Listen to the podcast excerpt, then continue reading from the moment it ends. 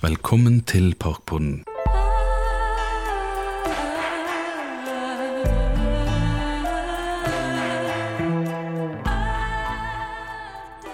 Denne episoden handler om jødiske bakverk, fisk og litt om pasta. Sist snakket vi en del om tysk innflytelse. Denne gangen så skal vi snakke litt mer om noe veldig spennende som har kommet til Nygårdsparken fra Polen.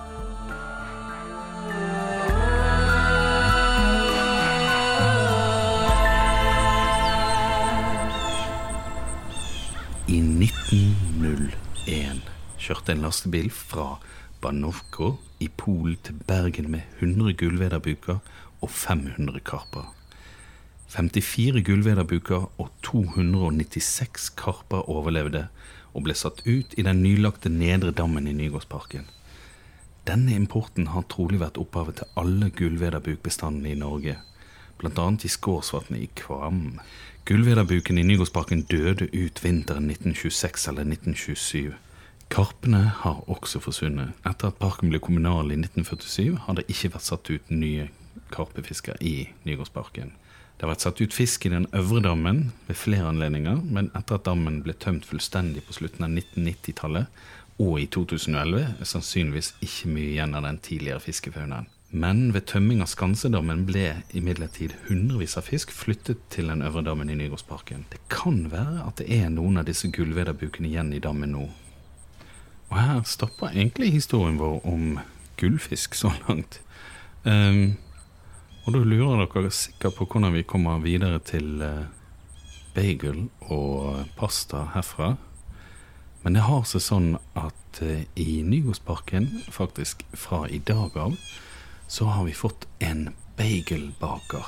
Og jeg kan faktisk ikke huske sist vi hadde en bagelbaker i Bergen, og da snakker vi om eh, det ekte håndverket bak bagel. Altså ikke det du finner i frysedisken på Rema fra uh, Ja, jeg skal ikke nevne noen produktnavn, uh, men ordentlig håndverk. Men hva er det som er så spesielt med bagel som gjør at det er så utrolig godt? Enkelte bakverk er bare så gode at du ikke trenger noe annet. Du har sikkert merket når du har vært og spist pizza på en ordentlig ekte italiensk restaurant, gjerne napolitansk for min del, eh, så er pizzabunnen så god at du kan bare sitte og spise skorpene og være kjempefornøyd. Sånn er det med en god bagel. En god bagel kan du spise helt alene, og hvis du har en baker i nærheten, altså en bagelbaker i nærheten, så er det det beste å gjøre om morgenen, er å løpe ut, kjøpe deg en kaffe, og så bare spise en helt deilig, rykende fersk bagel. Bagel er satt sammen av kontraster. Den har en sprø og karamellisert ytre skorpe, og en helt annerledes seighet enn noe annet bakverk. Og inni så er den luftig og myk. Helt fantastisk. Opphavshistorien til bagel er uklar og har mange tråder. Men Polen og Krakow virker som arnestedet til tilblivelsen av dette vidunderlige bakverket, og den er helt uatskillelig fra jødisk gastronomi og historie. Noen mener at den først ble laget av en baker fra Wien, som takk til kong Jan Sobeski fra Polen for å ha hjulpet til i slaget mot tyrkerne. Dette er mot slutten av 1600-tallet, og vi har en jødisk kilde der Beigel ble nevnt allerede i 1610, så det er kanskje den tråden som er minst sannsynlig. Andre tror at Beigel har kommet fra Prøysen i form av en pretzel som da sakte har mutert til en obvajanek krakowski. De er begge kokt og har hull i midten, men obvajanek skiller seg ut med sin vridde form, og så smaker de ikke helt likt. Så vi har én kilde fra 1610 som nevner Beigel, og så har vi da Første gang Obvajanek blir nevnt i en skriftlig kilde, er fra 1394. Men vi får høre mer om opphavet til bagelen når vi snakker med Sumeda seinere, som er da den nye bagelbakeren som har ankommet Bergen, og som i disse dager selger både bagels og påsmurte bagels fra paviljongen i Nygårdsparken kafékollektiv i øvre del av Nygårdsparken. Og da lurer vi på hvor forskjellig er disse to bakverkene? Er de som fetter og kusine? Når skilte de lag? Jeg har vært i Krakow, men jeg har dessverre ikke smakt en aubergianek. Og jeg er veldig spent på hva er egentlig forskjellen mellom en aubergianek og en bagel. Og for å få en ekspertuttalelse så tok jeg resepturen innom foodtrucken til Magdalena Spysjek. Eh, Den heter Pasta Basta og lager helt fantastisk mat. Og jeg anbefaler alle å ta turen innom, noe som jeg også sjøl måtte gjøre etterpå. Hei, jeg heter Mag Magdalena. Og jeg heter Vels besøk. Og jeg forstår sånn, Bagel er ikke vanlig i Polen i dag lenger. Eh, det er faktisk eh, ja, men eh, jeg trodde bare pga. at det er veldig som regional type av brød eller som bolle som vi spiser i Krakow. Men eh, i flere andre regioner i Polen det er andre typer av eh, som bagel heter Ja. her. Eh, det kan bli eh, veldig søt sammen som eh, solbolle, heter det i Norge, tror ja. jeg. Eller det kan bli sånn kun med skinke og ost, veldig deilig, som jeg også spiste i Bergen. Men eh, hvordan smaker altså, Obakjernik, er det sånn du uttaler det? Hvordan smaker det forskjellig fra bagel? Er det veldig stor forskjell på det? Jeg vet at de er i hvert fall vridd på en måte som ikke bagel er. Men hva er den største smaksforskjellen? Uh, ja, det er vei til å lage. Jeg, eller du kan uh, fry it i, som dip eh, fry, eller du kan som bake som vanlig brød. Ja. Så det, det er bare som stor forskjell. Men begge er kokt på forhånd, ikke de? Ja, ja, ja. Og begge har hull i, i Ja, begge. Det er som, ja. det er som obvajanek. Så obvajanek og bagel er egentlig fetter og kusine? Ja, det er faktisk Ja. også veldig populært. Ja. Det kan bli spise hver dag. Og hva syns du om at vi nå skal få bagel til Nygårdsparken? Det kan bli god idé. Hvorfor nei? Det er som eh, mat som du kan spise på vei, eller sitte på som gress og ja, ta det ro. Med litt sånn smågodt. Bagel. Ja. Eh, har du noen eh, formening om hvorfor folk er så crazy etter bagel i forhold til rundstykker og andre typer bakeverk? Kanskje av det er rundt og har hull inn. Kanskje bare det. Det kan være. Hvorfor nei? Men uh, kan du fortelle litt om hva dere lager her i Nygårdsparken? Hva serverer dere til gjestene i Nygårdsparken? Uh, vi har uh, hjemmelaget pasta med veldig forskjellig som topping. Vi har uh, hjemmelaget pølse, eh, som vi selger mest. Det som vårt salsiccia picante. Jeg tror alle som vet om oss, alle vet om salsiccia picante. Egentlig da kan man komme og smake.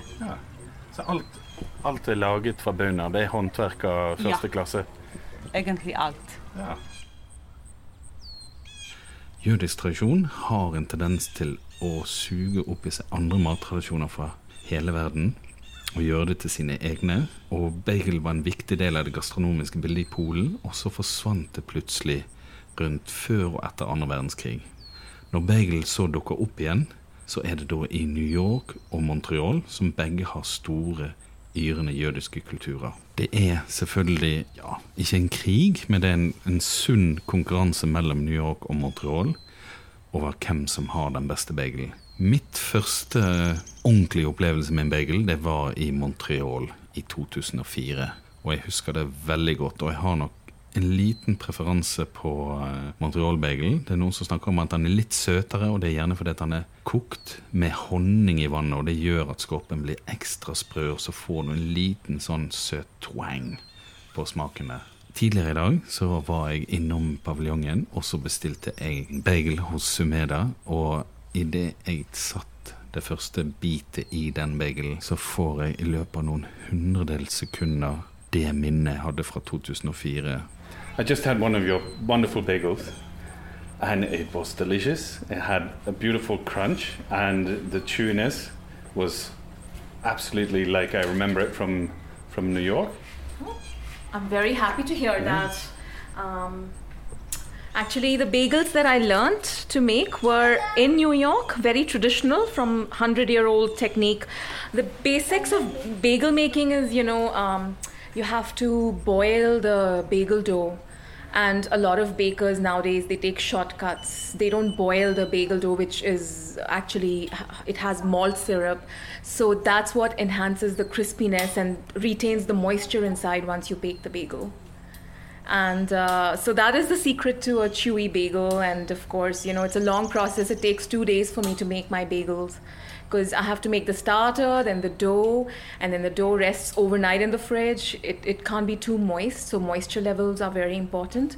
And then I bake, I, I give them a bagel bath, and then I bake them at really high temperature as well. So I'm glad that you actually liked the bagels. It's uh, uh, while living in New York, I used to eat this every day because when I was a chef in New York, I had to. I was so tired of working 14 hours on my feet, and uh, New York is, of course, you know, full of bagel bakeries and dailies and. Um, always managed to find really reasonable and affordable. Basically, it's affordable, uh, affordable food for New Yorkers. Bagel. It's a very affordable food, and uh, in New York they ser- serve it with uh, cream cheese. And traditionally, it's eggs, uh, eggs, um, fried eggs, and cheese, and also uh, crispy fried bacon. But mine is a vegetarian version because I don't eat meat. So if you put some crispy bacon on it for meat eaters, it's fantastic. So New York basically is where I discovered my love for bagels. And originally, they of course come from Poland. Um, you know, the the immigrants uh, from the Jewish immigrants they took it to New York in the early 1900s. But actually, bagel has a history of it goes back to 14th century, and uh, yeah, basically, there's a lot of controversy on how the bagel was born. Um, there's a book about it called The Bagel, which is uh, the the secrets behind the the modern bread. And they, some people say that it was discovered in the 14th century for the Queen. Um, it ran from German by by uh, the German immigrants who took it to the Queen of Poland, and during Lent time, they would actually uh, make the bagels for her. Uh, because she wanted something in lieu with the, you know, the pastries and the enriched breads and uh, it was not actually affordable because whole wheat was actually quite expensive so it was not affordable to the common masses um, which is ironical because now bagel is so you know affordable and that's the basic uh, idea behind bagels. But there's also another theory where they say that the, an austrian viennese baker in the 16th century he took the bagel to uh, he created the bagel for the king of poland uh, because he liked horses and it was shaped you know the, the whole of the bagel it was shaped like the stirrup like bu- bugle in germany so and of course when the you know, when the Jews uh, moved to Poland, because Poland was supposed to be very friendly and uh, accepting of other people, and so they accepted the Jews, unlike you know during that political climate for the Jews and the rest of Europe. So they, I mean, I don't want to go into the politics of it, but uh, yeah. So when the Jews moved to Poland, that's when they started uh, they took the bagel with them. And then when they moved to New York, of course, they took the bagel there. And now you can find it in ev- every little corner of New York. So when I was living in Brooklyn uh, during my time, I was living in a Jewish neighborhood, and also I would travel to like in the morning to the local Jewish bakeries and and find fresh bagels there, and you know, yeah, that's. Have, have you have you, tr- uh, have you tried a Montreal bagel? Uh, I haven't actually, to be very honest, but I know that it's slightly on the sweeter side, and it's uh, yeah, it's slightly on the sweeter side, and it's quite different. It's more chewy, I think. So, but New York, I'm sorry, um, because I lived in New York, I'm def- definitely more uh, by inclined towards the Yeah. New York bagel. so I, I, I see- I see you also have babka. I This do is- have babka, yes. So this fascination for Jewish pastry comes from your time in, in Brooklyn. Yes, that's right. Uh, I do. I did love their, you know, the challah. I also make the challah, and so I, I do have a fascination for Jewish baking because it's it's simple, it's very modest, it's very down to earth, and I like the origins of it, the way it came about. So, for example, the babka was actually uh, also a Polish product started by the the Polish housewives who were Jewish, and they actually embellished the extra challah dough for Shabbat with cinnamon. And chocolate was not used at that time because it was quite expensive. It was a luxury. But uh, as they moved to new york and you know obviously discovered the chocolate is more cheaper in, in america that's when they started putting even chocolate in the in the babka. Okay, so we had a customer who misinterpreted my question and uh, when I was asking for his opinion about a bagel, and he went on a rant uh, considering the scone. And he doesn't seem to care much about the scone. Hva er ditt forhold til uh, bagels? Nei, Bagels har jeg et litt ambivalent uh, forhold til. Uh, eller nei, Nå tenker jeg ikke på bagels, nå tenker jeg på scones. Tenker på scones ja. Som verken er brød eller bolle. eller så verken er deig eller brød. Ikke hva jeg skal si. Jeg har ingenting til overs for det.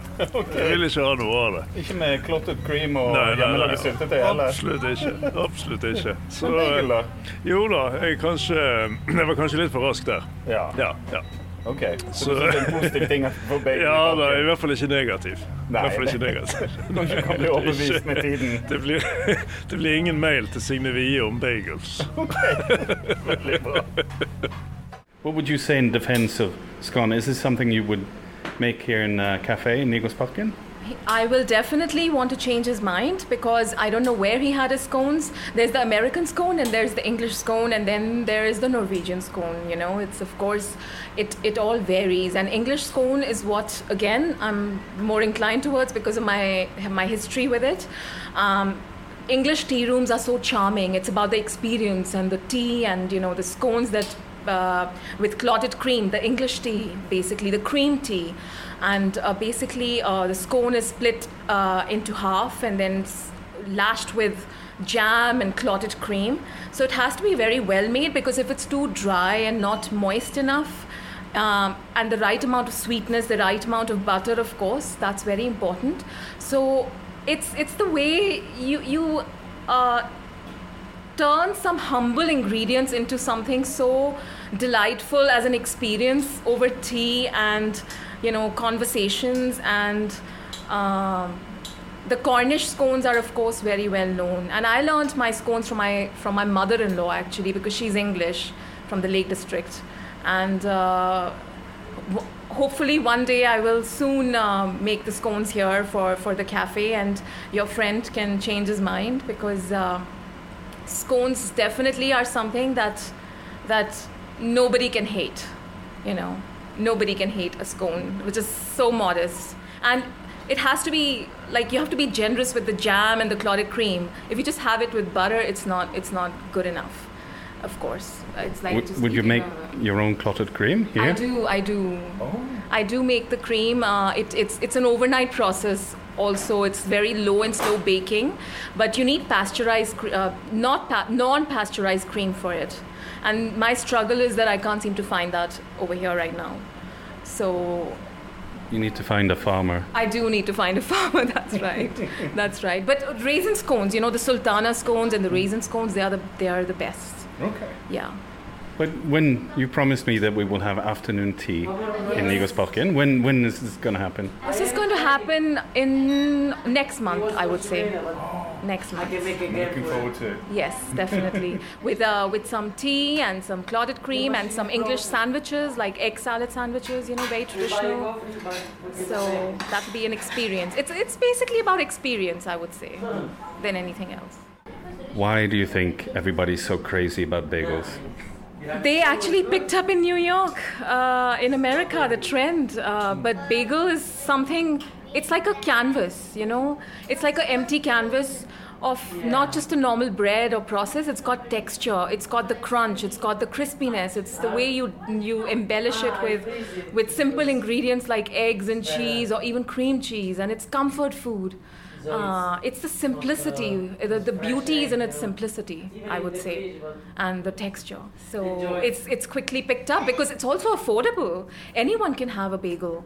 Uh, you know, you don't have to go to a fancy restaurant to have a bagel. You can just walk on the street and ha- have a bagel in one hand, coffee in one hand, and then you have your lunch there. So it's perfect. It's a perfect experience. What do you think about being the first bagel baker in Bergen? I am actually very humbled and I'm very excited that I can actually share something which is so close to my heart with all the people around uh, in, in this community that really matters to me. So I'm, I'm actually thrilled that I can, I can serve the, the most humble part of me through my bagel because it really requires a lot of attention, detail, and, uh, you know, transforming something so basic with flour, yeast, and water, and not too much going on. But it's about the temperature, the time, the you know the the the energy around it. That's that's really exciting for me. Og da er det på tide å finne ut hvilket kapittel i Bengels historie Nygårdsbakken kommer til å skrive. Det er bare én måte å finne ut på, å ta en liten smaksprøve. I'm getting really hungry. What should I order today? Of course, uh, I know that you tried before salsiccia three or four times. yes, it's one of my favorites. Yeah, so uh, maybe uh, amatriciana Oh, it's a very long time like, since I've had that. yeah, so uh, bacon, uh, white wine, chili flakes, and the tomato sauce mixed together. What do you think? I'm sold. Would you like? Yes, yes, please. Okay, here we go. On the way. Lemonade? Yeah, I don't have beer, but uh, that's okay. lemonade always.